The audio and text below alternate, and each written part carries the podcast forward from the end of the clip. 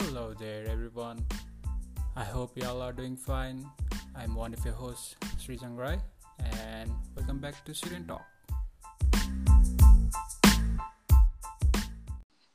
So मसँग आज युवन छ यहाँ होइन युवन यस यस अमिस चाहिँ बिजी भएर बाहिर गएको छ अरे आज भ्याएन अनि we are join by guest speaker दिदी all the way from. Hetauda But we won't, but we won't mention her name. हाम्रो दिदी हुनुहुन्छ हामी दिदी भनौँ है दिदी दिदी बेटर हुन्छ म नाना भन्दिनँ आजकल दिदी ओके दिदी सन्चै हुनुहुन्छ म एकदम फिट एन्ड फाइन तिमीहरूलाई पनि सन्चै छ होला। है अनि फर्स्टली चाहिँ के भन्ने अब कङ्ग्रेचुलेसन अनि बेस्ट विसेस फर यो इनिसिएसनको लागि यू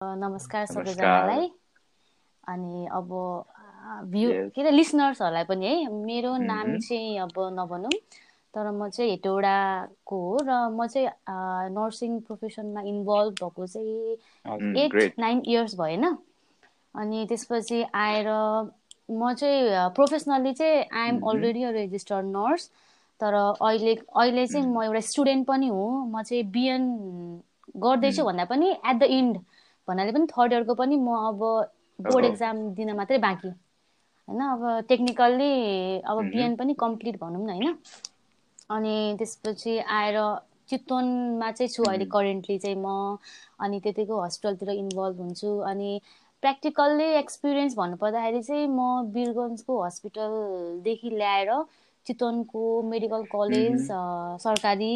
अनि त्यताको प्राइभेट अनि हेटौडाको प्राइभेट हस्पिटल्स अनि त्यसपछि आएर अर्को सरकारी हस्पिटलतिर चाहिँ म अलरेडी एक्सपोज भएको छु र त्यति ड्युरेसनमा चाहिँ धेरै कुराहरू चाहिँ अब्जर्भ गर्ने मौका पायो र. धेरै कुराहरू चाहिँ लर्न भयो होइन? एकोर्डिङ टु प्लेस अनि त्यसपछि आएर हस्पिटल्सहरूको रुल्सहरू फरक हुन्छ होइन? त्यसपछि त्यहाँ गर्ने व्यवहारहरू पनि फरक हुन्छ भन्ने कुरा चाहिँ अहिलेसम्म चाहिँ क्लियर भएको छ कि?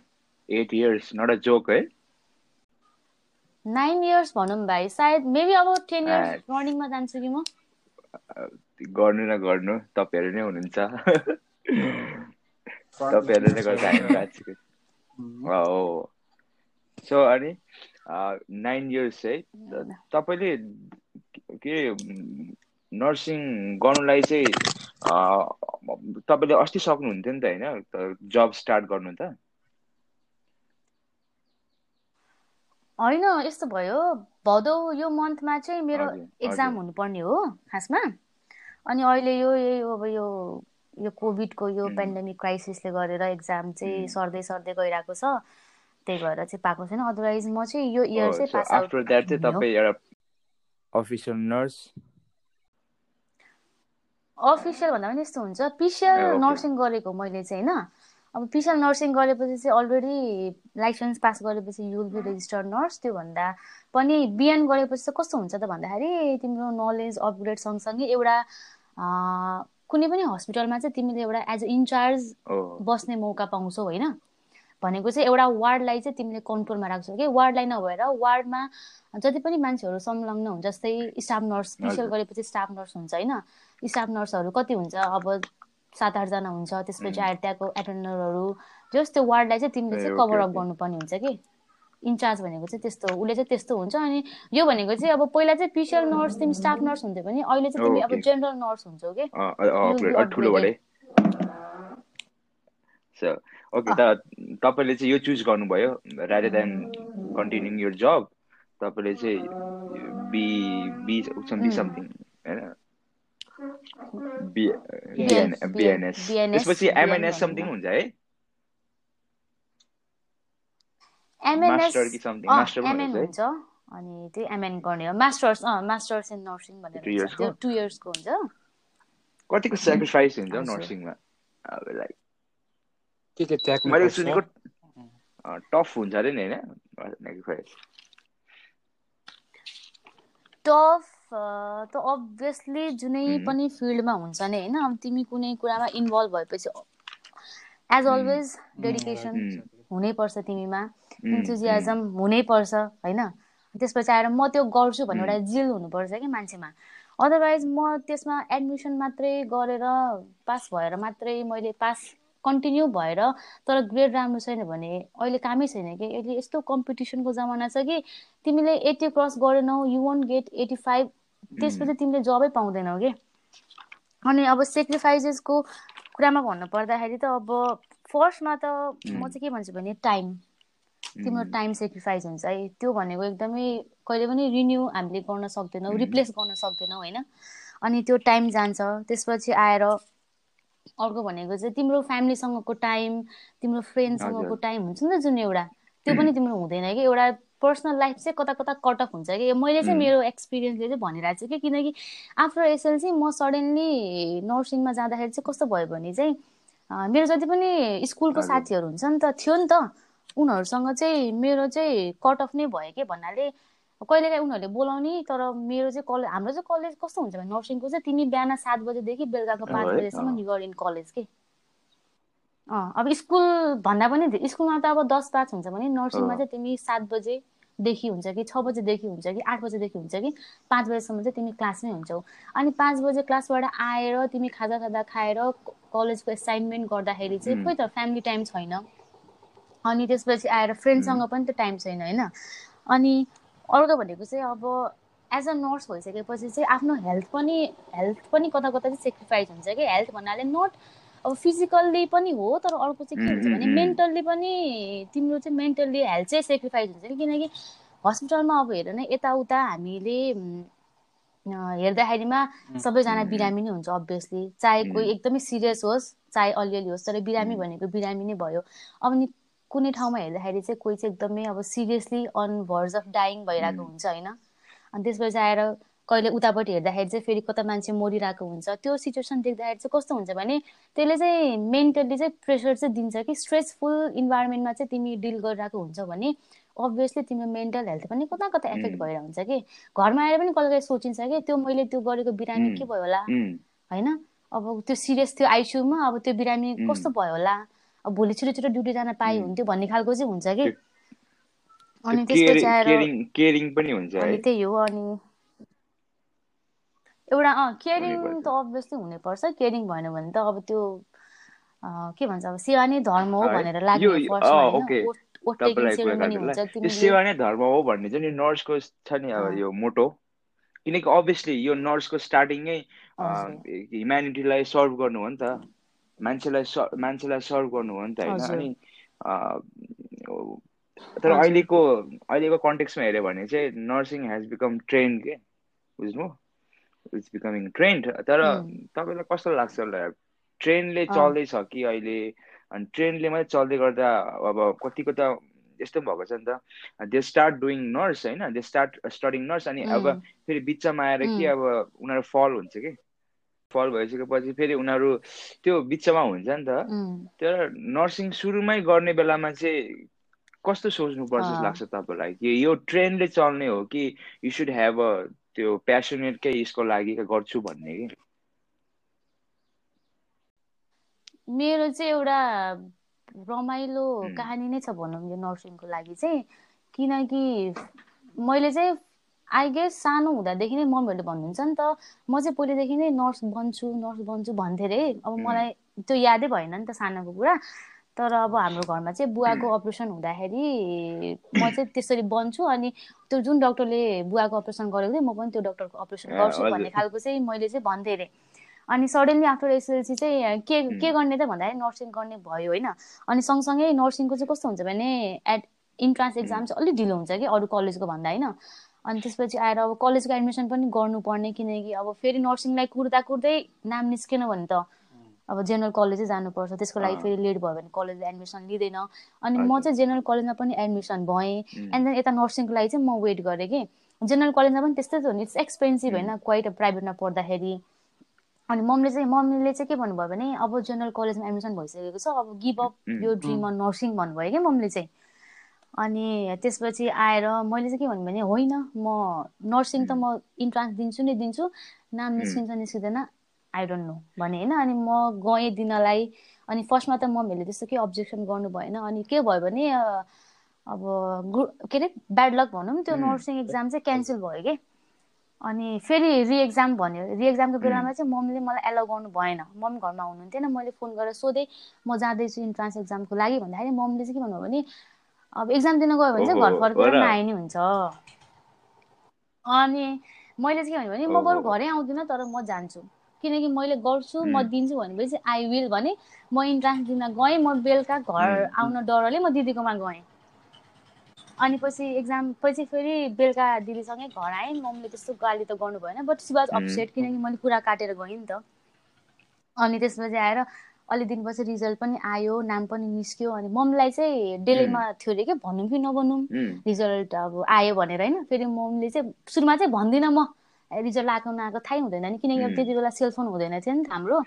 अनि मम्मीहरूलाई फोन आउने प्यारेन्ट्सहरूलाई फोन आउँथ्यो। अनि मम्मीले चाहिँ नभन्ने डिसिजन गर्नुभएछ। अनि पछि मम्मीलाई नि नराम्रो लाग्यो।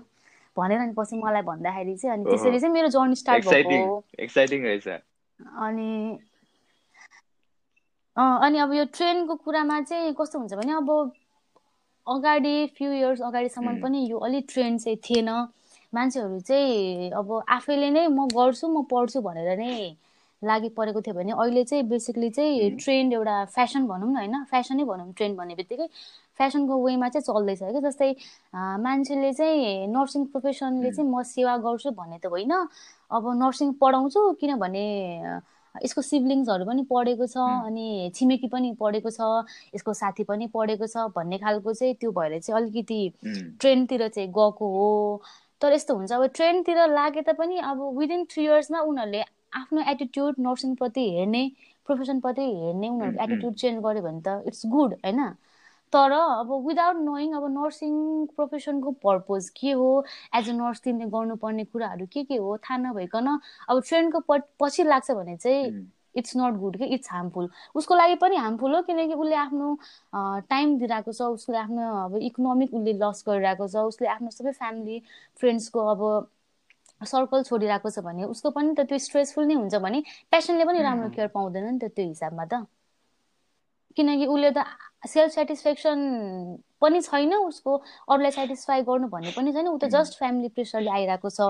अनि म चाहिँ अब ट्रेन्डलाई राम्रो पनि मान्छु किन भन्दाखेरि चाहिँ अब कुनै पनि कुरा चाहिँ ट्रेन्डिङमा गयो भने चाहिँ अलिकति त्यसले गर्दा चाहिँ स्कोपहरू पनि बढ्दै जान्छ होइन? जब अपर्च्युनिटिजहरू पनि बिल्डअप हुन्छ। अनि त्यसपछि आएर अर्को चाहिँ अब अब यही गरेर त हो नि पहिला अब हेर न पहिलाकै कुरा गर्नु पर्दाखेरि स्टाफ नर्स स्पेसल नर्स भन्ने मात्रै थियो कि। स्पेसल नर्स गरेपछि युआर नर्स। तर अहिले त स्पेसल नर्सको अब त्यति भ्याल्यु छैन। यु निड टु डु एउटा स्पेलाइज के अरे? सरी बिएन गर्नै पर्छ अथवा चाहिँ एमएन गरेकै हुनुपर्छ। मेबी अब तिमी पिएचडी गरेकै हुनुपर्छ। त्यो डिमान्ड बढ्दै गइरहेको छ नि त सोसाइटीमा त्यो एउटा राम्रो पक्ष हो कि। किनकि हामीले त अझै स्किलफुल मेन पावरबाट हामीले केयर पाइरहेको छौँ नि त। हो त्यो राम्रो हुन्छ कि? अनि अर्को भनेको चाहिँ कम्युनिटीमा गएर पनि मान्छेहरूले कति कति अब गाउँ गाउँमा नर्स हुन्छ भने त त्यो गाउँको स्वास्थ्य हुने भयो नि त होइन? त्यही त्यही भएर चाहिँ ट्रेन्डलाई म नराम्रो भन्दिनँ तर पर्पोजै थाहा नभइकन ट्रेनको पछाडि जानु चाहिँ हार्मफुल भन्छु कि म चाहिँ? सो तपाईँको पर्सपेक्टिभमा चाहिँ in your perspective how do you think an ideal nurse should be ideal nurse अब आइडल नर्स भन्दा पनि आई गेस एउटा आइडल ह्युमन बिङ हुनुपर्छ मान्छे होइन? अनि त्यसपछि आएर उसमा चाहिँ के भन्छ भने अब फर्स्टमा चाहिँ उसले सर्व सर्वप्रथम चाहिँ उसले आफैले आफैलाई माया गर्ने खालको चाहिँ हुनुपर्छ कि? The person who does not love her self himself उसले अरूलाई माया गर्नै सक्दैन कि? अनि त्यसपछि आएर तिमीमा माया नै छैन तिमीमा दया माया छैन भने तिमीले कसरी केयर गर्छौ त? होइन? त्यही भएर चाहिँ एकदम मान्छे चाहिँ म चाहिँ कस्तो हुन्छ भने एउटा ह्युमन बिङ भएपछि अ पर्सन अफ भ्याल्यु तिमीले बोलेको हरेक कुराको चाहिँ भ्याल्यु होस् होइन? एउटा के भन्छ अब कुनै पनि मान्छेलाई चाहिँ इन्फ्लुएन्स गर्ने तिमीमा एउटा के भन्छ पावर हुनु पर्यो लिडरसिपको क्वालिटी हुनु पर्यो। एज अ नर्स तिमीले अरूलाई इन्फ्लुएन्स गर्न सक्नु पर्यो आफ्नो हेल्थ केयर गर्नको लागि। अनि त्यसपछि आएर तिमीले अब अरू त सायद त्यही नै होला। त्यसपछि एउटा आइडल ह्युमन बिङ भएपछि त तिमी कुनै पनि कुरामा कन्टिन्युटी दिन्छौ होइन तिमी पर्सिस्टेन्सली तिमी त्यो कुरामा जान्छौ भने त you'll be a perfect person नि। पर्फेक्ट पनि होइन युल बी अब सक्सेसफुल नर्स भनौँ एउटा होइन। त्यसो भए के अरे सबै नर्स सबै नर्ससँग त्यो हम्बल उसको हुन्छ ऊ आफूमा नम्रता हुन्छ? कस्तो लाग्छ तपाईँलाई? नम्रपन के? हुनु कतिको जरुरी कतिको जरुरत लाग्छ तपाईँलाई एज अ नर्स भएपछि? आफैलाई नम्र तुलाउनु कि? त्यो चाहिँ म चाहिँ अहिलेको सिनारीमा हेर्दाखेरि चाहिँ मान्छेहरूले भनिरहेको हुन्छ होइन। अब यो हस्पिटलमा फलानु नर्स यस्तो रुड यस्तो यो गर्यो अहिले आइरहेको छ नि त अब त्यो चाहिँ किन भन्ने कुरा चाहिँ अब म आफैले पनि फेस गरेको कुराहरू हो होइन? तर अब कस्तो हुन्छ भने मान्छेहरू चाहिँ भिजिटरहरू चाहिँ कस्तो हुन्छ भने कुरै नबुझ्ने खालको पनि हुन्छ नि। इरि इरिटेट पनि नभनौँ होइन? उनीहरू पनि स्ट्रेसमा हुन्छ किनकि आफ्नो मान्छे बिरामी भएर जाँदाखेरि जो कोहीले पनि त अलिकति एफेक्सन अलिकति इम्पोर्टेन्स त खोजिरहेको नै हुन्छ होइन? अनि त्यसपछि आएर अनि भिजिटरले चाहिँ कस्तो गरिदिन्छ भने एउटा गुगल थाहा छ हामीलाई सधैँ सबैलाई होइन? गुगलमा खोजिदिने कि जस्तै अब तपाईँको बिरामीलाई यो भएको छ भने पनि उनीहरू गुगलमा हेरिदिने कि? अनि गुगलमा हेरेपछि अनि कम्पेयर गर्न आउने कि? गुगलमा यो औषधि भनेको छ मेरो बिरामीलाई यो औषधि चलाएको छ। किनकि त्यो भएको छ कि मसँग नै? अनि त्यसपछि आएर त्यो त अब औषधि दिने हाम्रो काम हो तर औषधि प्रिस्क्राइब गर्ने त डक्टरको हो नि त। अनि त्यही कुरा डक्टर डक्टर आयो भने फेरि डक्टरलाई केही पनि भन्दैन। डक्टरले चाहिँ जे भने पनि ओके हुन्छ ल ठिक छ। अब डक्टर गएपछि नर्सलाई चाहिँ खाउलै जस्तो अब त्यो पिटाउलै जस्तो यस्तो त्यो हुन्छ नि त मान्छेले पनि कति कति मात्रै टलरेट गर्ने कि अब एक त पेसेन्ट रेसियो मिलेको छैन पेसेन्ट र नर्सको रेसियो एउटा नर्सले बिसजना पच्चिसजना तिसजना बिरामी हेर्नुपर्छ होइन? त्यसपछि आएर भिजिटरले पनि पालै पालो अलिकति पोलाइट भएर सोध्यो नि त भिजिटर पनि त त्यस्तै हुन्छ नि त। त्यो हिसाबले चाहिँ नर्सले अलिकति फ्रस्ट्रेट भएर मिसबिहेभ गर्ने होला। तर त्यो चाहिँ नर्सले नगरेको भए चाहिँ राम्रो लाग्छ कि मलाई। किनकि अब उनीहरूमा चाहिँ अलिकति पेसेन्स लेभल चाहिँ हुनुपर्छ कि किनकि भिजिटरहरू त यस्तै नै हो। भन्ने कुरा चाहिँ हामीले बुझ्नुपर्ने हुन्छ। अलिकति नम्रता भनेको चाहिँ प्रोफेसनले भन्दा पनि तिमी मान्छेमा हुनुपर्ने गुण हो कि त्यो चाहिँ। प्रोफेसनले तिमीलाई नम्रता हुन सिकाउँदैन कि? नम्र हुन सिकाउँदैन। तिमी यदि तिमीले पहिल्यैदेखि नै तिमी सानैदेखि नै तिम्रो अपब्रिङ्गिङ नै त्यस्तै इन्भाइरोमेन्टमा भएको छ भने अभियसली तिमी जस्तो सिचुएसन आए पनि तिमी नम्र नै हुन्छौ कि तिमी पोजिटिभ नै हुन्छौ। तर अपब्रिङ्गिङमा पनि म प्यारेन्ट्सलाई ब्लेम गर्दिनँ किनकि प्यारेन्ट्सले जति नै चाहे पनि यदि बच्चालाई बिग्रिनु छ भने पनि त्यो जति स्ट्रिक्ट प्यारेन्ट्स भए पनि उनीहरू इन्फ्लुएन्स भएर बिग्रेकै हुन्छ। त्यही भएर एउटा मान्छेमा हुनुपर्ने गुण एबिलिटी हो एटिट्युड हो जस्तो लाग्छ है मलाई चाहिँ त्यो पेसेन्स अनि हम्बल भन्ने कुरा चाहिँ। त्यो चाहिँ प्रोफेसनले सिकाउने कुरा चाहिँ होइन। नर्सले बिस्तारै गेन गर्नु पर्यो है बिकज त्यो त आफैले नर्स भनेको नि सेवा हो नि त होइन अनि त्यो सेवा दिँदै गर्दा कति मान्छेले अप्रिसिएट गर्छ कतिले गर्दैन नि त होइन? सो मैले मैले देखेको के अरे अब नराम्रो साइड चाहिँ नर्सहरूको चाहिँ अब हामी पनि अब यहाँ अब कुनै हस्पिटल जाँदैछ भने मैले फिल्मतिर मात्रै देखेको छु क्या त्यस्तो नर्सहरू हुन्छ नि। अब आएर नम् नम्रतामा बोलिदिन्छ नि। तपाईँलाई के भएको छ यस्तो हुन्छ। तर अब यहाँ अब हामी ऱ्यान्डमली हामी हस्पिटल जाँदै गर्दा उनीहरू ऱ्यान्डमली आउँछ। आएर अब यताउति त्यो ठ्याउ ठ्याउ ठ्याउ बोल्छ होइन। बोलेर जानुहुन्छ क्या अब। त्यो चाहिँ अलिकति त्यो देखि त्यो नम्रपन देखिएन के अब नम्रता भन्ने बित्तिकै बोलीमै नम्र हुनुपर्छ भनेको पनि होइन। नम्र भनेको त अब व्यवहारमा हो अब होइन पेसेन्ट्सहरूले कराइदिन्छ के भन्छ त्यो त अब सुन्नु पर्यो नि त। कामै त्यही हो नि त होइन। नम्र त्यही हो नि आफूलाई सानो बनाएर हिँड्नु पर्यो नि त होइन। सो अब तपाईँको तपाईँ अब अब हामीलाई चाहिँ अब एज अ नर्सको त्यो नर्सको पुरापुरी भा हेऱ्यो भने चाहिँ नम्र हुनु जरुरी छ जस्तो लाग्छ है। तर तपाईँले भन्नुभयो जस्तै नम्र हुनु त अब एकैचोटि नर्स भएर त हुँदैन। अब त्यो त्यो त जडै हो के अरे रुट नै नम्रपनको उयो हुनु परेछ होइन। तर पनि तर मलाई लाग्छ यो विषयमा पनि अब वाइल्ड स्टडिङ अब पढ्दै गर्दा पनि अब कतिको कति अब कतिको पढाउँछ होइन। तर यस्तो सोच्नु जरुरत छ होला क्या। है? पढ्नुपर्छ। होला पढ्नुपर्छ त्यो अभियसली एउटा यो यस्तो छ के अरे पिसिएल नर्सिङको एउटा फन्डामेन्टल अफ नर्सिङ भन्ने बुक हुन्छ। त्यहाँनिर तिम्रो नर्सिङ भनेको के हो? एज अ नर्स तिमीले के के गर्नुपर्छ भन्ने कुरा सबै नै हुन्छ। पोलाइटनेस हुनुपर्छ भनेर नि हुन्छ। अनि त्यसपछि आयो अब तिमीले अघि भन्यौ अलिकति झुक्नुपर्छ भनेर होइन? हो नर्सहरू झुक्नुपर्छ किनकि अब उनीहरू अरूसँग डिल गरिरहेको हुन्छ सिनियरहरू हुन्छ। तर कस्तो हुन्छ भने भाइ नर्सलाई चाहिँ अलिकति गिराउने काम पनि भइरहेको छ कि? होइन? अब डक्टरले हेर्दाखेरिमा अब सिनियर डक्टरहरू हुन्छ। नर्सलाई गिराएर पनि भन्छ नि त। अनि त्यो भनेको चाहिँ मान्छेले जति नै आफूमा त्यो पेसन लेभल भए पनि कहिले न कहिले चाहिँ त्यो फुट्छ नि कि? अनि त्यो निस्किन्छ नि हो। त्यो निस्केको बेलामा चाहिँ सायद पेसन पार्टीहरू पर्छ होला कि? किनकि मैले हेरेको कतिपय ठाउँमा चाहिँ अब सायद तिमी गएको ठाउँमा हस्टेलमा त्यस्तो भयो होला तर म आफै पनि अब एज अ भिजिटर किनकि म पनि त बिरामी हुन्छु नि होइन। म बिरामी भएको बेलामा जाँदाखेरिमा म पनि बिरामी नै बनेर जाने हो। अथवा मेरो घरबाट कोही लाँदाखेरि म पनि अब के भन्छ पेसेन्ट पार्टी नै बनेर जाने हो। मलाई पनि अब व्यवहार गर्दाखेरि चाहिँ उनीहरूले चाहिँ राम्रै गरेको छ क्या। किनकि उनीहरूले म नर्स हो भनेर थाहा पाएर होइन कि। तर म बिरामी कुर्न आएको मान्छे हो म बिरामी छु भन्ने हिसाबले उनीहरूले राम्रो पनि ट्रिट गरिरहेको हुन्छ। तर कोही हुन्छ एकदमै अब नर्सिङ गरेको एकदमै सिनियर हो। म भन्ने खालको एटिट्युडको पनि मान्छे हुन्छ। नहुने होइन। हो त्यस्ताले गरेर चाहिँ ओभरअल प्रोफेसनमा चाहिँ ब्लेम आइरहेको छ नर्सलाई पनि तर किनकि नर्सको काम त धेरै छ नि त। मलाई लाग्छ डक्टर पनि डक्टर पनि जरुरत हो तर नर्स बिना डक्टरको पनि केही कामै छैन नि त होइन?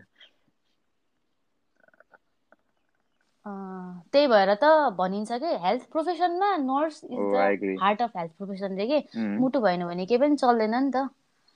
अनि त्यही भएर मुटु अरे कि नर्स चाहिँ? किनकि नर्सकै वरिपरि सबै घुम्छ अरे कि? किनकि औषधि लेखेर दिने मान्छे मात्रै भएर हुँदैन ल्याब टेस्ट गर्ने मान्छे मात्रै भएन। किनकि बिरामीलाई चाहिने केयर हो त्यो औषधि दिने मान्छे हो।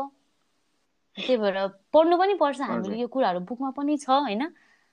तर थ्योरिटिकली प्र्याक्टिकल्ली थ्योरिटिकली हामीले पढे पनि प्र्याक्टिकल्ली चाहिँ त्यो चाहिँ एप्लाइड हुँदैन कि? किनकि नर्सलाई इम्पोर्टेन्स चाहिँ नेपालको कन्टेन्टमा चाहिँ अलिक कमै छ। त्यसो भए नर्सिङ नर्सिङ नेपालमा नर्सिङको करियर लिएर नेपालमै अब जति पनि अब नर्स गर्नु पाउनु हुँदैछ होइन नेपालभरिमा। नेपालमा अब के छ भने ट्रेन्ड चाहिँ एउटा ट्रेन्ड के पनि छ भने अब अब्रोड जाने अभियसली होइन नर्स गर्ने अब्रोड जाने तर नेपालमै बसेर एउटा एज अ नर्स करियर गरेर बस्नु सकिन्छ या सकिन्न। कि अब्रोड जानै पर्छ भन्ने हो कि त्यो? होइन अब त्यो त त्यो धेरै कारण हुनसक्छ। अब कसै कुन कुन रूपले अब्रोड जान्छ कसैले के गरेर जान्छ तर नेपालमै छ भनेदेखि किन अब्रोड जाने कुरा हुन त अब नेपालमा कति कुरा कमी कमजोर छ तर नेपालमा नर्सको करियर लिएर बस्न सकिन्छ या। सकिँदैन कि अब यसमा चाहिँ म के भन्छु भने अब यो नर्सिङ करियर चाहिँ नेपालमै म केही गर्छु भनेर हिँड्ने हो भने चाहिँ अहिलेको सिचुएसनले हेर्ने हो भने चाहिँ अलिकति कन्भिनियन्ट चाहिँ छैन। होइन? किनकि अब तिमीसँग यस्तो हुन्छ पिसिएल नर्सिङ मात्रै गरेर म नेपालमै केही गर्छु भन्ने हो भने चाहिँ इट्स इम्पोसिबल होइन? किनकि सकिँदै सकिँदैन। तर तिमी चाहिँ एकदमै हाइली एजुकेटेड छौ तिमीले चाहिँ नर्सिङको चाहिँ अब सायद एमएन सकायो होइन अथवा चाहिँ पिएचडी सकायो भने चाहिँ there is lots of scope के किनकि जति मान्छेसँग नलेज हुन्छ त्यति नै अपर्च्युनिटिजहरू आउने त हो नि। होइन नलेज तिमीसँग पिसिएल मात्रै नलेज छ भने त तिमीले तिमीलाई जब पाउने भनेकै कि त हस्पिटलमा हो कि त पिएचसीमा हो कि त हेल्थ पोस्टमा हो तर तिमीसँग अलिकति अपग्रेडेड नलेज छ भने तिमीलाई जताततै पनि डिमान्ड हुन्छ नि त। अनि त्यो जति डिमान्ड बढ्यो होइन जति अनि त्यसपछि आएर अनि स्यालेरी पे धेरै हुन्छ त्यो पे धेरै भएपछि चाहिँ अलिकति चाहिँ कन्भिनियन्ट चाहिँ हुन्छ। अनि आयो एब्रोड जाने कुरा अब यो चाहिँ अघि नै के ट्रेन्डवाला क्वेसनसँग चाहिँ जाऊँ कि? अब ट्रेन्डलाई नै फलो गरेर नै एब्रोड जाने हो भने चाहिँ इट्स नट गुड। तर कस्तो हुन्छ भने नेपालमा चाहिँ अब अलिकति स्कोप पनि अहिले चाहिँ भए तापनि कस्तो हुन्छ भने जसको चाहिँ सोर्स छ अलि जसको चाहिँ अलिकति मान्छे ठाउँमा छ होइन? जसको चाहिँ अलिकति पावर छ उनीहरूले चाहिँ अलिकति चान्स धेरै पाइरहेको हुन्छ कि? हो त्यो हिसाबले चाहिँ जसको चाहिँ कोही पनि छैन भने त उसले त केही न केही त गर्नु पर्यो नि त किनकि पढेर मात्रै पनि म केही गर्छु भन्दा पनि पढ्ने सँगसँगै पछाडिबाट पुसअप पुस पनि गर्नुपर्ने हुन्छ कि उसलाई। अनि त्यो पुस गर्नलाई नेपालमा मेन पावर उसको कोही सपोर्टै छैन भने त उसले पढेर मात्रै नेपालमा नराम्रो है यो कामको लागि पनि अब भनभान गर्नुपर्ने है। भनभान गर्नुपर्ने। त्यही भएर चाहिँ त्यही भएर चाहिँ अब त्यस्तो सपोर्ट छैन भने चाहिँ सायद उसको लागि बेस्ट अप्सन नै एब्रोड होला कि? किनकि त्यहाँनिर त अब यो ऊ हुँदैन नि त। त्यहाँ त जति तिम्रो क्वालि क्वालिफिकेसन छ त्यति अनुसारले कति त्यहाँतिर त अब जस्तो लाग्छ जहाँसम्म लाग्छ नर्सको कामलाई चाहिँ उनीहरूले इज्जत पनि दिन्छ है दे रेस्पेक्ट है अब नेपालमा नेपालमा हेऱ्यो भने अब अब दिन्छ मान्छेले पनि रेस्पेक्ट हामी पनि दिन्छौँ अब रेस्पेक्ट तर फ्रेङ्कली भन्नु पर्यो भने नर्स को कामलाई चाहिँ यसो नेपाली सोसाइटीमा सुन्यो भने चाहिँ त्यति हाई लेभलको काम भनेर चाहिँ सोच्दैन है। अब सानतिनो है। होइन। हाई लेभलको काम भनिँदैन। अनि एकदमै फोरीहरूले गर्ने काम। इभन मलाई पनि भनेको छ कि मान्छेहरूले अब मेरै रिलेटिभ्सहरूले हो मैले चाहिँ नर्सिङ पास गरिसकेपछि किन नर्स पढेको? नर्सको काम त कस्तो फोरी हुन्छ? के के गर्नुपर्ने हुन्छ? एउटा अब के अरे ब्याङ्क म्यानेजर भए भइहाल्यो नि झन् कुर्सीमा बसी बसी। त्यो पनि एक हिसाबले उहाँले भन्नुभएको पनि ठिकै हो किनकि स्ट्रगल धेरै हुन्छ होइन? अनि त्यसपछि आएर हो कोही मान्छे चाहिँ अलिकति आफ्नो विलिङलेसले नगएको हो भने चाहिँ उनीहरूको चाहिँ यतिखेर चाहिँ के भन्छ त्यो अब मेन्टली चाहिँ त्यो नर्सिङ प्रोफेसनतिर चाहिँ ब्रेकडाउन हुँदै जान्छ कि। अनि पेसेन्टलाई प्रपर केयर गर्न सक्दैन अनि भिजिटरसँग मिसबिहेभ गर्ने पेसेन्टलाई पनि मिसबिहेभ गर्ने अनि त्यसपछि आउट सिन्ड्रम हुने त्यही त्यही कारण चाहिँ यो नै हो कि। किनकि एप्रिसिएसनै छैन नि त।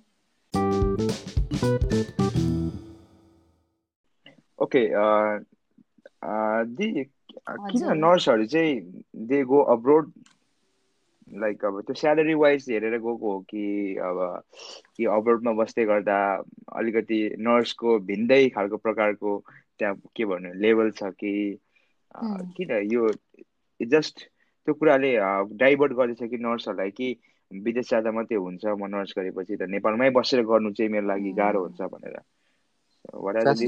फेसिलिटीहरू बेसी नभएर कि अब यसमा चाहिँ मेरो ओपिनियन भन्नु पर्दाखेरि चाहिँ अहिले चाहिँ यही नै हो। ट्रेन्डकै कुरा छ है। किनकि सबैजना नर्सिङ गरेर बाहिर जाने भनेको पहिला यस्तो थिएन नि त। पहिलाको फ्यु इयर्ससम्म पनि प्रायः कमै जान्थ्यो कि बाहिर। तर अहिले चाहिँ कस्तो भइरहेछ भने यो पनि गइरहेछ त्यो पनि गइरहेछ मेरो फलाना साथी गइरहेछ अनि म पनि जानुपर्छ मैले नि केही गरेर देखाउनु पर्छ अब यो छिमेकीको छोराछोरी गएको छ म पनि जानुपर्छ भन्ने खालको कुरामा पनि हो। अनि अर्को एस्पेक्ट चाहिँ के छ भने स्यालेरी भन्नु पर्दाखेरि चाहिँ मलाई चाहिँ कस्तो लाग्छ भने मेरो चाहिँ आफ्नो पर्सपेक्टिभ है यो। स्यालेरी चाहिँ नेपालमा पनि स्यालेरी नदिएको त होइन नि त। तिमीलाई ट्वेन्टी फाइभ थाउजन्ड मन्थली कुनै हस्पिटलले पे गर्छ भने एउटा इक्जाम्पल है ट्वेन्टी फाइभ थाउजन्ड त नदेला। ल twenty to twenty five thousand तिमीलाई नर्मल्ली कुनै हस्पिटलले मन्थली पे गर्छ भने इट्स गुड स्यालेरी तर नेपालमा कस्तो छ भने पैसा सस्तो छ सामान महँगो भएको हिसाबले पैसाको भ्याल्यु छैन। तर बाहिर चाहिँ तिमी यही नर्सिङ गरेर जान्छौ एक त तिमीले नर्सिङमा जस्तै नेपालमा नै तिमी एज अ नर्स काम गर्न पाउँछौ भने तिमी पिसिएल नर्सिङ गरेर जाँदाखेरि you want have that opportunity तिमी हस्टेलमा काम गर्न पाउँदैनौ। तिमी त एउटा कुनमा अब कफी सपमा काम गर्छौ कि तिमी अब कुनै पनि नर्सिङ बाहेकको अरू सेक्टरमा काम गर्छौ भने त्यो जबमा जाने हो नि त। अनि त्यसपछि स्यालेरी पनि हिसाबले अब त्यहाँको डलर पनि नेपालमा आउँदाखेरि इट्स हाई युज तर त्यहीँनिर पे त त्यो त थोरै भयो नि त। होइन र? हो कि भन न। अनि त्यो पेमा अब उनीहरूले आवरमा आवर चाहिँ उनीहरूले टेन डलर पर आवर पाउँछ भने उनीहरूले दिनमा अब सिक्स आवर्स गर्छ भने सिक्सटी डलर पायो। अब सिक्सटी इन्टु अब मन्थली गर्दाखेरि त उनीहरूको धेरै डलर त हुँदैन नि त। त्यो डलर नेपालमा पठाउँदाखेरि पो नेपालमा पैसा धेरै भयो त। अदरवाइज नेपालकै पैसा धेरै भ्याल्यु हुने भएको भए त twenty five thousand is a huge amount नि त। मलाई चाहिँ त्यो लाग्छ। अनि अर्को अलिकति रेस्पेक्ट भन्ने कुरा चाहिँ छ बाहिरको कन्टेन्टमा त्यो पनि अब राम्रो रिजन हो मान्छेहरूलाई बाहिर जानको लागि एउटा स्टेबल हुन्छ किनकि त्यहाँ थोरै कमाउँदा पनि नेपालमा धेरै हुन्छ होइन? अनि मेहनत त जाँदा पनि गर्नुपर्ने उति नै हो तर अब त्यहाँनिर यहीँ गरेको मेहनतले त्यहाँ अलिकति धेरै हुन्छ भने अभियसली मान्छे त्यतै जान्छ नि त। मान्छेले अहिले सो सोच्ने कस्तो सोच्छ भने डक्टर र नर्सहरूले केयर गर्दैन पैसा लुट्नु खानु बसेको छ भन्छ नि त। अहिले हाम्रो टिपिकल हाम्रो मान्छेको सोच त्यस्तो छ कि? हामी अब यो हस्पिटल गयो भने ला पैसा खाइदियो भन्छ नि त तर अब तपाईँको हेराइमा चाहिँ एउटा पब्लिकले चाहिँ कस्तो सोच्नुपर्छ नर्स र डक्टरको कामलाई भनेको नि यसमा चाहिँ फर्स्टमा चाहिँ म के भन्न चाहन्छु भने नि मान्छेले भन्छ पैसा खाइदियो पैसा धेरै लाग्यो भनेर तर हस् के अरे म एज अ बिरामी भएर गएँ अदरवाइज कोही अरू बिरामी भएर गएर उसले त्यो हस्पिटलमा एक लाख पे गरे पनि अर्कोले दुई लाख पे गरे पनि नर्सले पाउने पन्ध्र हजार नै हो। डक्टरले पाउने सरी डक्टरले पाउने बिसदेखि पच्चिस हजार तिस हजार नै हो। किनकि भिजिटरले जति धेरै पैसा दियो नर्स डक्टरलाई त्यति धेरै पे होइन नि त। उनीहरू त अलरेडी उनीहरूको चाहिँ यति हुन्छ स्यालेरी भनेर वेजेस डेली बेसिसमा यति हुन्छ भन्ने खालको कुराले नै त उनीहरू जाने हो नि त। चाहे हस्पिटलले हन्ड्रेड पर्सेन्ट प्रफिटमा जाओस् या फिर फिफ्टी पर्सेन्ट लसमा जाओस् तर हस्पिटलले चाहिँ दिने चाहिँ त्यति नै हो नि त। त्यही भएर सोसाइटीले मान्छेले चाहिँ एउटा इन्डिभिजुअलले चाहिँ के बुझ्नुपर्छ भने चाहिँ हामीले तिरेको पैसा चाहिँ डक्टर र नर्सले चाहिँ लिने होइन तर त्यो हस्पिटलमा जाने हो म्यानेजमेन्टमा अनि त्यसपछि त्यो म्यानेजमेन्टले चाहिँ पे गर्ने हो। यसमा पैसा अहिले डक्टरले यति खायो नर्सले यति खायो भन्ने होइन। सायद हो। अब नर्सले चाहिँ कुनै पनि हिसाबले पैसा चाहिँ पाउँदैन कि? बुझ्यौ नि? किनकि उसले त केयर गर्छ मन्थली स्यालेरी उसको ब्याङ्कमा आउँछ। अब डक्टरको चाहिँ कतै कतै चाहिँ कस्तो पनि हुन्छ भने है देखेको कुरा है कस्तो हुन्छ भने जति धेरै इन्भेस्टिगेसन त्यो डक्टरको नाममा डक्टरको नाममा गयो जति धेरै एक्सपेन्सिभ मेडिसिन त्यो डक्टरको नाममा गयो उसले चाहिँ त्यताबाट अलिकति कमिसन भन्छ नि त। त्यो चाहिँ पाइरहेको चाहिँ हुन्छ कि? मैले त्यो देखेको छु होइन? अनि त्यसपछि आएर त्यो गर्दाखेरि चाहिँ होला डक्टरलाई फ्यु थाउजन्ड्सहरू चाहिँ एक्स्ट्रा फी आउला। तर त्यो गर्नु पनि नराम्रो हो कि? किनकि सबै भिजिटरले एफोर्ड गर्न सक्दैन नि त। यदि यदि एउटा औषधि छ होइन त्यो औषधि चाहिँ एउटा पच्चिस रुपियाँमा आउँछ एउटा सपोज सय रुपियाँमा आउँछ। तर दुइटाले गर्ने काम एउटै हो नि त। तिमी पच्चिस रुपियाँको औषधि लेख्दैौ न। किन तिमी सय रुपियाँको औषधिको नाम लेखिदिन्छौ त? होइन? किनकि सबैले एफोर्ड गर्न सक्छ भन्ने छैन नि त। आज मैले सय रुपियाँको औषधि खाउँला भोलि खाउँला पर्सि खाउँला तर कति दिनसम्म हो नि त? यदि मैले त्यो औषधि एक वर्षसम्म खानुपर्ने रहेछ भने त सय सय रुपियाँ गरेर पनि धेरै हुन्छ नि त। त्यो चाहिँ अलिकति इकोनोमिकल्ली बर्डन नहोस् भनेर डक्टरले त्यो हिसाबले पनि सोच्नु पर्ने हुन्छ। अनि त्यसपछि आयो अर्को भोइलेन्सको कुरा चाहिँ अहिले चाहिँ छ नि त नयाँ इस्यु जेल विदाउट बेल। अनि त्यसपछि डक्टरलाई भोइलेन्स यो चाहिँ कस्तो लाग्छ भने डक्टरलाई भोइलेन्स किन भयो र डक्टरले किन कुटाइ खायो भन्ने पनि कुरा हो है। किनकि अब इन्डिभिजुअल्स पनि डिफ्रेन्सेस हुन्छ भने जस्तो डक्टरले गर्ने व्यवहार पनि कता कता अलिकति डिफ्रेन्स हुन्छ। किनकि होइन मैले पनि देखेको छु अलिकति के भन्छ अब अलिकति मान्छेहरू पनि हस्पिटल जाँदाखेरि चाहिँ आफूलाई मेन्टेन नगरिकन अनि अलिकति लुक्स पनि होइन एकदमै ग्रुमिङहरू नगरिकन जाँदाखेरिमा गर्ने व्यवहार र तिमी अलिकति होइन अब वेल ड्रेस भएर अनि तिमी अलिकति आफूलाई पनि अलिकति प्रपरली मेन्टेन गरेर। एक्सप्रेस गरेर तिमी जान्छौ भने चाहिँ तिमीलाई चाहिँ प्रपर ट्रिटमेन्ट चाहिँ हुन्छ कि त्यतिखेर? होइन? त्यतिखेर हो त्योले चाहिँ त्यसको चाहिँ डक्टरलाई गल्ती हो। यसमा म नर्सलाई पनि ब्लेम गर्छु किनकि नर्सले पनि गर्ने व्यवहार चाहिँ त्यसमा कता कता चाहिँ देखेको चाहिँ हुन्छ। इभन म आफैलाई पनि त्यो व्यवहार चाहिँ भएको छ जब म भिजिटर बनेर गएँ नि। त्यतिखेर मैले पनि फेस गरेको प्रब्लम हो कि अनि त्यही भएर चाहिँ कता कता डक्टरलाई मात्रै ब्लेम नगरौँ। अनि भोइलेन्सको कुरा चाहिँ डक्टरलाई भोइलेन्स भयो अलिकति मिडियामा आयो किनकि डक्टर अलिकति हाई प्रोफेसन हो होइन? अनि त्यसपछि आएर हो तर कतिपय ठाउँमा चाहिँ नर्सलाई पनि मिसबिहेभ भइरहेको छ। तर भिजिटरले होइन कि डक्टरले नै है एउटा रिसे रिसेन्ट त नभनौँ पहिलाकै इस्यु हो चितवनमा एउटा हस्पिटल छ होइन चितवन ठाउँ भने हस्पिटलको नाम मेन्सन गर्दिनँ। अपरेसन थिएटरमा चाहिँ कस्तो भयो भने अपरेसन गर्दा गर्दै गर्दा गर्दै नर्सले चाहिँ त्यो इन्स्ट्रुमेन्ट पास गर्नुपर्ने बेलामा त्यो इन्स्ट्रुमेन्ट झऱ्यो। झरेर टिप्दाखेरिमा सिजर हो है फेरि। कैँची सिजर हो। अनि डक्टरलाई अलिकति त्यो सिजरले लागेछ। डक्टरले त्यो अपरेसन गरिरहेको डक्टर उसको हातमा ब्लड छ के छ सबै छ। नर्सलाई गालामा एक झापड हाने कि त्यतिखेर। अब त्यो राम्रो हो त त्यो गर्नु? ल भन त। होइन। त्यो उसले त नर्सले अब उसको मिस्टेकले उसको सिजर झऱ्यो। डक्टरलाई अलिकति लाग्यो तर त्यो सिजरले उसको के डक्टरलाई के घोचेर उसको रगतै निस्क्यो त निस्केन नि त उसलाई त अलिकति लाग्यो नि त। अनि उसले नर्सलाई एक झापड हान्नु पनि जरुरी छ। त्यो अपरेसन थिएटरमा बिरामी त्यहीँ सुतिरहेछ। अरू डक्टरहरू छ अरू नर्सेसहरू छ। त्यो नर्सको त्यो सेल्फ रेस्पेक्ट त्यसको त्यो डिग्निटी कता गयो होला उसले त्यस्तो बिहेभ गर्दा आयो भन त हो नर्सलाई गरेको भोइलेन्स चाहिँ अलिकति हाइलाइटेड गर्दैन तर भोइलेन्स चाहिँ जता पनि भइरहेको छ। डक्टरको आए कुरा यो डक्टरले जतिसुकै अब मिसबिहेभ गरे पनि पेसेन्ट पार्टीले चाहिँ एउटा कम्प्लेन गर्ने ठाउँ हुन्छ कि? तिमी म्यानेजमेन्ट कमिटीमा गएर कुरा गर होइन? तिमी एडमिनिस्ट्रेसनमा गएर कुरा गर तिमी त्यो डक्टर तिमी त्यो हस्पिटलको चेयरम्यानसँग डिनलाई गएर कुरा गर। तर violence is not the solution नि त। कसैलाई कुटपिट गरेर तिमी ठुलो हुँदैनौ कि? किनकि भोलिको दिनमा त्यो डक्टरलाई अलिकति तिमीले पिटेर हार्म भयो भने बिरामी कसले हेरिदिन्छ त? त्यही डक्टरै चाहिने नि त लास्टमा। दुइटै चाहिन्छ तर। थाहा हुन्छ क्या नर्सले मिसबिहेभ गर्छ भने पनि तिमीले नर्सलाई पिट्ने गाली गर्ने होइन कि तिमी गएर कम्प्लेन गर न सिनियरलाई।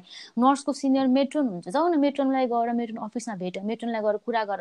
मेट्रोनले आएर नर्सलाई भनिहाल्छ नि डक्टरलाई कुरा गर्नु छ भने जाऊ डक्टरको नि एमडी हुन्छ हस्पिटलमा एमडीलाई गएर कुरा गर्ने एडमिनिस्ट्रेसन हुन्छ त्यहाँ गएर कुरा गर्ने ठाउँ छ नि त राख्नको लागि होइन त? त्यो ठाउँमा गएर बोल्ने कि भोइलेन्स गर्ने होइन आज एउटाले कुट्या छ अनि त्यहाँबाट इन्फ्लुएन्स भएर अर्कोले कुट्या छ त्यहाँबाट इन्फ्लुएन्स भएर अर्कोले कुट्या छ। त्यो होइन कि? तर यदि तिमीले कसैलाई ल आज एउटा ठाउँमा एउटालाई कुट्यो तिमीले जेल हालिदियो अब जेल हालिदिएपछि ल त्यो गएपछि त त्यो अलिकति कम हुँदै जान्छ नि त भोइलेन्सको रेसियो त्यही भएर यो। जेल विदाउट बेल पनि why not give a try भन्ने कुरा हो कि। जुनै पनि कुरामा स्ट्रिक्ट ल बनेपछि त मान्छे कम हुँदै जान्छ नि त। यो हाम्रो नेपालको नेपालीहरूको त्यो हाम्रो बानी क्या नराम्रो बानी यही हो क्या हामी हरेक जे कुरामा पनि झगडा अनि फाइट भाइलेन्स. ल्याइहाल्छौँ क्या जे. कुरामा पनि अब त्यो जस्टिसहरू तर यसमा हामी बुझ्नुपर्ने मान्छेले पनि हो अब सबै. कुरा डक्टर्सकै हातमा पनि हुँदैन होइन. अब कति कुरा अब कति इन्सिडेन्ट हुन्छ नि त अब तर त्यस्तो सुन्दा ए- यस्तो यस्तो घटना सुन्दा चाहिँ नराम्रो लाग्छ है दिदी. जब जब अब डक्टरहरूलाई भन्छ नि के अरे पेसेन्ट्स राम्ररी पठाएको हुन्छ भित्र तर अन्तिममा के अरे मरेर आउँछ भन्छ नि. अब कस कसरी भयो भन्छ नि त्यो कुरा अब यो अब थाहा पनि अब यो कुरा त अब यो कुरामा चर्चा नगरौँ होइन तर पनि सुन्दा चाहिँ नराम्रो नरमाइलो लाग्छ क्या डर लाग्छ भनौँ न अब. हामी भर्खर भर्खर नेपाली नेपाली यस्तो मान्छे नेपालीहरू हामी चाहिँ हामी धामी झाँक्रीमा बिलिभ गर्ने मान्छेहरू. अहिले भर्खर भर्खर डक्टरतिर मेडिकलतिर हामी बिलिभ गर्नु विश्वास गर्नु थाल्दैछौँ। उम्. जब कि नेपालमा फेरि यही डक्टरहरूले ज्यान लिन्छ भन्यो भने त हामी जाने कहाँ? है। हामी ट्रस्ट कसलाई गर्ने होइन? अब हामी हामी त आदिकल चाहिँ भयौँ नि त। अब हामीलाई फेरि त्यही धामी झाँक्री त बिलिभ गर्नु त मिल्दैन। हामी पढेको छौँ हामी त हजुर। अँ, सबै कुरा ज्ञान छ। तर डक्टरकोमा जाँदा पनि अब हामीलाई अब राम्रै हामी राम्रै हेल्थ भएर जाँदा गर्दा पनि भरे त हामी म के अरे हाम्रो डर हुन्छ भने इभन डक्टरसँग डर लाग्छ भने त त्यो त अलिकति नराम्रो भयो नि त होइन सो. हेर्नु पर्दाखेरि चाहिँ इभन डक्टरले डक्टरहरूले पनि यो कुरामा चाहिँ भन्नु सक्नुपर्छ क्या यो यो कारण हो यसो हो. अनि अब अहिले निस्किरहेको नि सबै डक्टर उस्तै भनेको होइन सबै राम्रो गर्नुहुन्छ सबै नराम्रो गर्ने पनि छ राम्रो गर्ने पनि छ तर पनि यस्तो कुराले पनि मान्छे एउटा पब्लिकलाई चाहिँ धक्का दिने कारण पनि त्यो होला कि. मान्छेहरू आवाज. उठाएर उठ्ने हुन्छ नि अनि यस्तो पनि छ कि त्यो अस्ति एउटा म इन्टरभ्यू हेर्दै थिएँ त्यहाँ त. साँच्ची नै मान्छे के अरे बच्चा मारेर पनि त्यो नबोलेकोहरू कि फ्यामिली पार्टीहरूले चाहिँ अब आएर बो एटलिस्ट बोली त देऊ यो यो कारण भएको थियो यसो यसरी खसेको भन्न त सक्यो नि त होइन. डक्टरले उनीहरू बोलेन पनि कि उनीहरू राम्ररी बोलेन पनि त्यो एउटा यस्तो कारणले गर्दा पनि मान्छेहरूले अब अलिकति अब डक्टरलाई त्यो कुटिहालौँ अब यिनीहरूले मेरो मान्छे मा मारिदेऊ। म पनि राम्रो खुनको बदला खुन भन्ने कुरा निस्केको क्या त्यो. अब हेऱ्यो भने त दुइटाको फल्ट छ। अब हामीले बुझ्नुपर्छ हरेक कुराको बोल्ने ठाउँ कहाँ छ भनिकन होइन? डक्टरलाई कुट्नु पनि नट द सल्युसन तर अब. डक्टरले पनि भन्नु सक्नुपर्ने हुन्छ त्यो। हो यसमा चाहिँ तिमीले भनेको ठिक है। डक्टरले डक्टरले मात्रै नभएर चाहिँ कुनै पनि हेल्थ प्रोफेसनमा इन्भल्भ भएको मान्छेले चाहिँ उसको बिरामी चाहिँ के रोग के समस्याले आयो? होइन? अनि त्यसपछि आएर यो उपचार हुने गइरहेको क्रममा अरू के समस्या थप देखियो? होइन?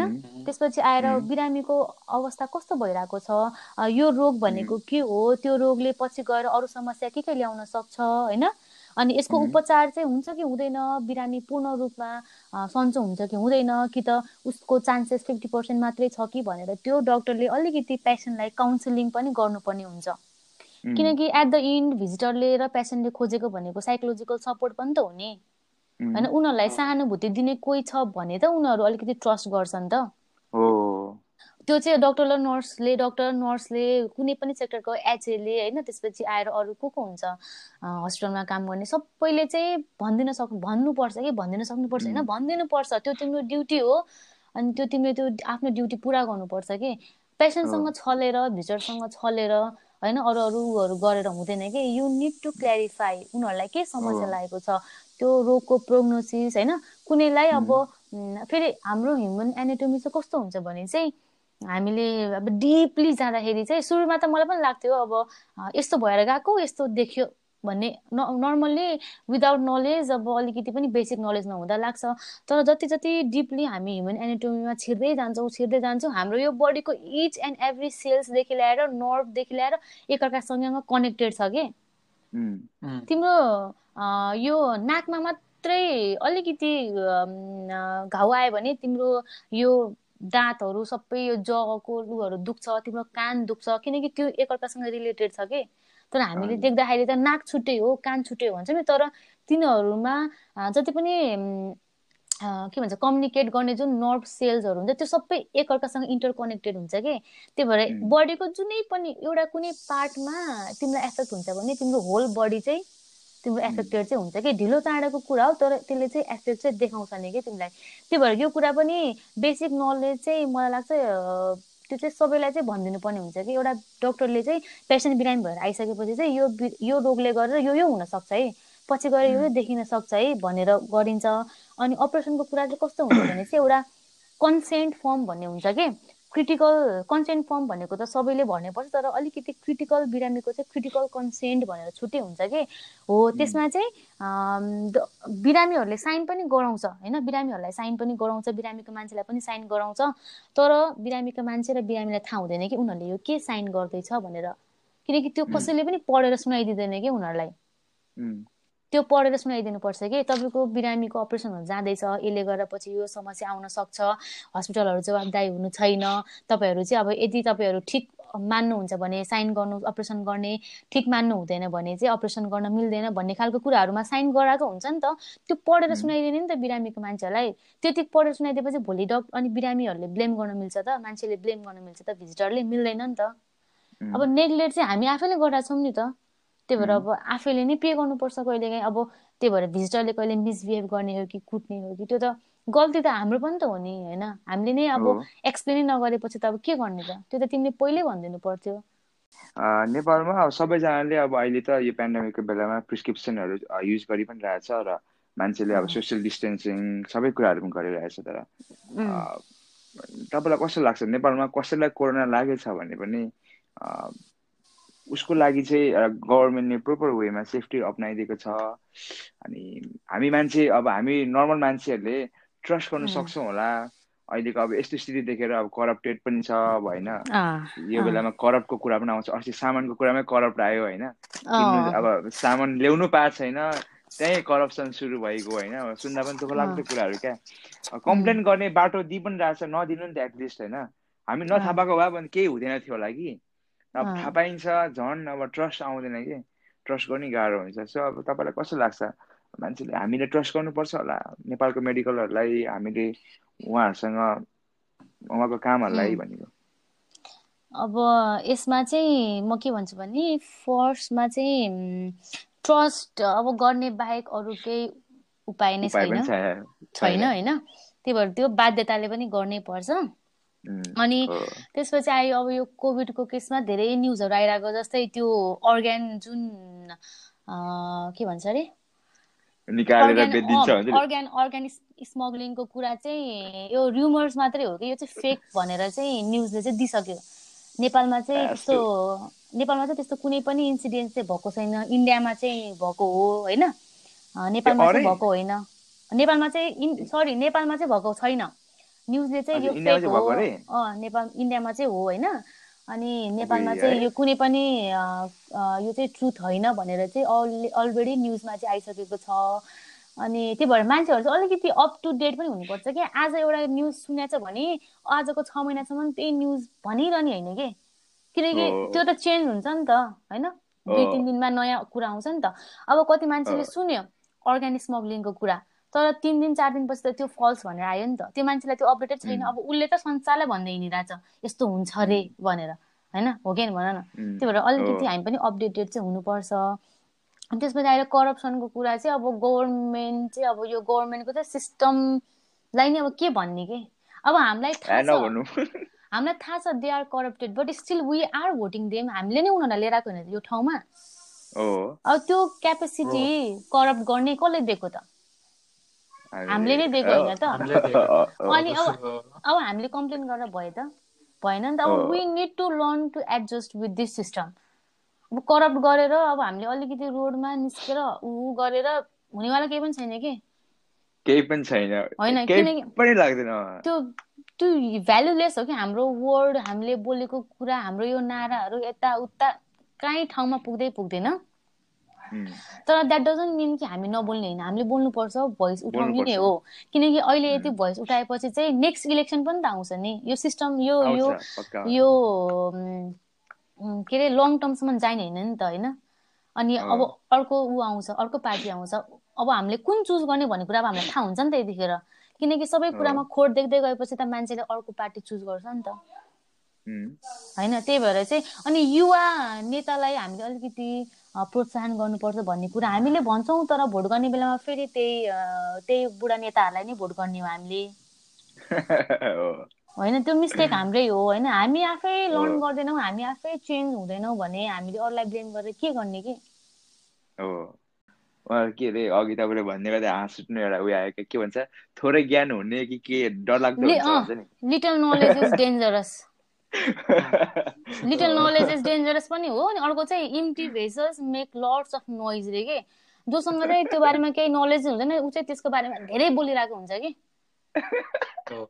कि भन न अनि यो अनि अर्को चाहिँ म. के करेक्ट गर्छु भने कोभिडको चाहिँ कस्तो छ भने कोभिड भनेको चाहिँ कोभिड नाइन्टिन त एउटा डिजिजको नाम भयो होइन अब कोरोना। भाइरस भनेको चाहिँ लाइक कोभिड कज गराउने एउटा भाइरस हो कि अनि भाइरसको. चाहिँ कुनै पनि मेडिसिन छैन नि त अहिलेसम्म होइन। हामीले युज गर्ने मेडिसिन भाइरसको भनेको चाहिँ सिम्टोमेटिक ट्रिटमेन्ट के? सिम्टम्स चाहिँ डिग्रेड नहोस् उसलाई चाहिँ अलिकति त्यो अब रुगाखोकी लागेको बेलामा पनि त त्यो चलाउने मेडिसिन भनेको चाहिँ त्यो रुगाखोकी चट्टै विष पार्ने औषधि होइन कि? त्यो भनेको चाहिँ रुगाखोकीलाई कम गर्ने औषधि हो कि? बुझ्यौ नि? अनि. त्यसपछि आएर कोभिडको नि त्यही नै हो सिम्टोमेटिक म्यानेजमेन्टै गर्ने हो अलिकति बिरामीलाई गाह्रो नहोस् भन्ने हिसाबले युज गर्ने हो। अनि अहिले चाहिँ कोभिडको चाहिँ के छ भने चाहिँ पहिलाको कोभिड लागेको बेलामा चाहिँ बिरामीलाई चाहिँ अलिकति गाह्रो हुने अनि त्यसपछि आएर भमिटिङ हुने फिभरहरू हुने होइन एक सय दुईको ज्वरो आउने भन्ने थियो। त्यो। सिम्टम्स पहिला थियो भने अब दिनदिनै नयाँ रिसर्च आइरहेको छ कि। अब मान्छेले हेर्छ त त्यो रिसर्च हेर्दैन नि त होइन। अब अब इभन मेरो फ्यामिली मेरो बाबा मम्मीले पनि मेर्नुहुन्न कि त्यो रिसर्च उनीहरू अनि हो कि अब अहिलेको नयाँ अहिलेको रिसर्चले चाहिँ के भन्छ त भन्दाखेरि चाहिँ कोभिड नाइन्टिन लागेको बेलामा you won't have any symptoms just एउटा चाहिँ के हुन्छ भने चाहिँ तिम्रो नोजले चाहिँ गुड स्मेल चाहिँ गर्न सक्दैन अरे कि। है? जति पनि मिठो मिठो जस्तै खानेकुरा पाक्दाखेरि मिठो भयो भने हामीले ओहो कस्तो बास्ना आएको भन्छ नि होइन। तर हो। इफ तिमीलाई कोभिड लागेको छ भने चाहिँ you won't be able to के भन्छ स्मेल कि? त्यो तिमीले स्मेल लिनै सक्दैनौ कि? किनकि अब त्यो फिभर छैन सिम्टम्सबाट फिभर हटिसक्यो। इट जस्ट स्मेल तिमीले पाउँदैन अनि डाइरिया के हदसम्म देखिन सक्छ। होइन। अनि त्यसपछि आएर अर्को भनेको चाहिँ मान्छेले भन्छ नि ए कसैलाई त एकदमै सिरियस भयो कोरोना कसैलाई चाहिँ दुई दिनमै बिसो भयो त। वाइ किन क्वेसन गर्दैनौँ त? किनकि कोरोना भाइरसले एफेक्ट गर्ने भनेको चाहिँ तिम्रो माउथ हुँदै नोज हुँदै लङ्समा पुग्ने हो। यदि तिम्रो corona virus lungs sorry nose एरियामा मात्रै छ भने त अभियसली तिम्रो त फ्यु डेजमै निको हुन्छ नि। माउथमा छ भने फ्यु डेजमै हुन्छ नि तर लङ्समा छ भने पो तिमी क्रिटिकल मा पुग्छौ त। त्यो खोइ त नलेज मान्छेलाई छैन। बट हामी यत्तिकै बोलिरहेछौँ यत्तिकै ब्लेम गरिरहेछौँ तिमी अप टु डेट नलेज हुव न तिमी अनि बल्ल अरूलाई पनि भन्न सुहाउँछ नि त रे जता पनि रे यता पनि रे तर त्यो रे होइन कि? कोरोना भाइरसको चाहिँ इच एन्ड एभ्री टाइम त्यो भाइरसले सेप चेन्ज गरिरहेको हुन्छ। हरेक उसमा त्यसको स्टेनहरू भइरहेको हुन्छ। अनि त्यसपछि आएर अनि त्यसले देखाउने साइन एन्ड सिम्टम पनि चेन्ज भइरहेको हुन्छ। सधैँकै जस्तै अस्ति नै भन्थ्यो नि पहिला अब रिसर्चले भने थियो कोरोना भाइरस चाहिँ गर्मीमा चाहिँ एकदमै धेरै हुन्छ ए सरी। गर्मीले मर्छ गर्मीले चाहिँ मर्छ त्यही भएर तराईमा चाहिँ लाग्दैन होइन। जाडोमा चाहिँ धेरै हुन्छ धेरै एफेक्ट त्यो नि सुनेको हो नि त तर रिसर्चले के भन्दै त कुनै पनि वेदरको कुनै पनि एटमोस्फियरले चाहिँ कोरोना भाइरसलाई चाहिँ इन्फ्लुएन्स गर्दैन। भनेर त्यही भएर रिसर्चसँग हामी अप टु डेट हुनुपर्छ कि। अनि एज अ नर्स तिम्रो रोल भनेको चाहिँ तिमी एउटा रिसर्चर पनि हो तिमीले गरेको रिसर्च तिमीले अरूलाई भनिदिनु पर्ने पनि हुन्छ होइन? तिमीलाई मलाई थाहा छ तर म चाहिँ मैसँग राख्छु म त कसैलाई भन्दिनँ। त्यो that's not a good nurse के। तर तिमीलाई थाहा छ भने तिमी अरूलाई भनिदेऊ न होइन? अनि त्यसपछि आयो कोभिडको प्रिभेन्सनको लागि भनेर प्रिभेन्टिभ मेजर्सको लागि भनेर मेडिसिनहरूमा भिटामिन के अरे भिटामिन सी अनि त्यसपछि आएर भिटामिन डी तिमीले युज गर्न सक्छौ। होइन त्यो भनेको चाहिँ अब त्यसको लिने पनि एउटा तरिका हुन्छ। त्यसको लागि तिमीले बुझ्न सक्छौ कसरी लिने भनेर। अब मान्छेले सुनेन भिटामिन डी र सी लिन मिल्छ भनेपछि त ओहो त्यहाँ अब बजारमा सर्टेज हुन्छ क्या त्यो मेडिसिन हो कि भन न। मान्छेले अब घरमा सातजना परिवार छ भने सातजनाको लागि छ छ महिनाको हुन्छ कि एक एक वर्षको हुन्छ त्यो लिएर राख्छ के? तर त्यो होइन त्यो खाने पनि एउटा तरिका छ। तिमीले महिनामा जम्मा चार दिन मात्रै त्यो औषधि खाने हो भने महिनामा चार दिन चारचोटि भने तिमीलाई के पाँच सयवटा हजारवटा त्यो औषधि ल्याएर राख्न जरुरी छ त? हो त्यो भएर अलिकति नलेज पनि यता पनि दिनुपर्ने हुन्छ कि जतिखेर पनि है यतिजना मऱ्यो यतिजना के अरे इन्फेक्टेड भयो भन्दा पनि अब यसरी चाहिँ लाग्न सक्छ यो चाहिँ नयाँ रिसर्चले यो फाइन्ड आउट गर्यो अब यसरी रोकिन सक्छ प्रिभेन्टिभ मेजर्सको लागि यस्तो यस्तो कुराहरू गराएको छौँ भन्ने कुरा चाहिँ दिनुपर्छ। अनि आयो अर्को कुरा मैले तिम्रो अघि क्वेसन थियो कि मैले सम्झेँ। अनि अलिकति यो क्वारेन्टिन राखेको ठाउँहरू अलिकति आइसोलेसनको ठाउँहरू अलिकति इन्फेक्टेड छ त्यही भएर मान्छेहरू जान रुचाउँदैन नि त। तर अनि के अरे के भन्नु लाग्यो बिर्से। अनि अर्को चाहिँ के हुन्छ भने अनि तिमी घरमै बस्दाखेरि पनि त तिमीले घरमै बसेर गर्छौ भन्दाखेरि पनि के घरमा हामीले आइसोलेसन मेन्टेन गरेको छौँ त। सेल्फ आइ के अरे सेल्फ आइसोलेसनमा बसेको छौँ त। यदि मलाई म बस्छु भन्यो भने पनि मेरो फ्यामिली मसँग आएर बस्ने हुन्छ कि मेरो रुममा आउने हुन्छ कि त्यो मेन्टेनै हुँदैन कि कुनै पनि हालतमा। त्यही भएर अनि कोभिड नाइन्टिन फर्स्टमा यो यति धेरै बढ्दै पनि बढ्दैन थियो। यदि हामीले लकडाउनलाई राम्रोसँग फलो गरेको भए गभर्मेन्टले पहिले निकालेको थियो त यो यो गर्ने भन्दाखेरिमा लकडाउन भन्ने बित्तिकै मान्छेहरू सहर छोडेर गाउँ जान थाले।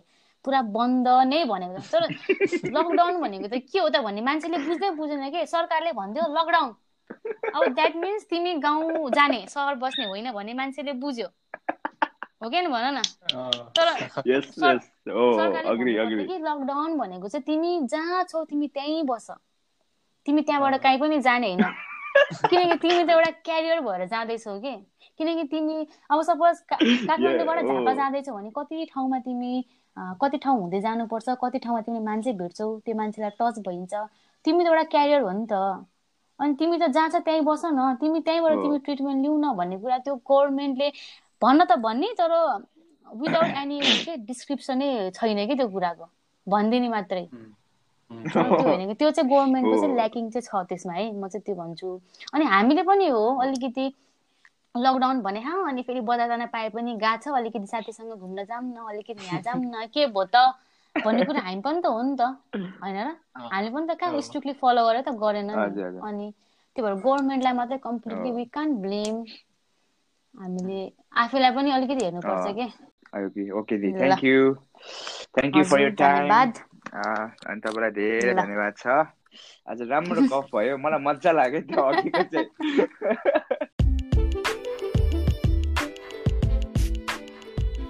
That was our guest speaker. We had a wonderful conversation. Uh, so yeah, आजको लागि यति नै. We will be back on next week with an interesting topic. So stay tuned, guys. And thank you for listening. See you next week. Bye bye.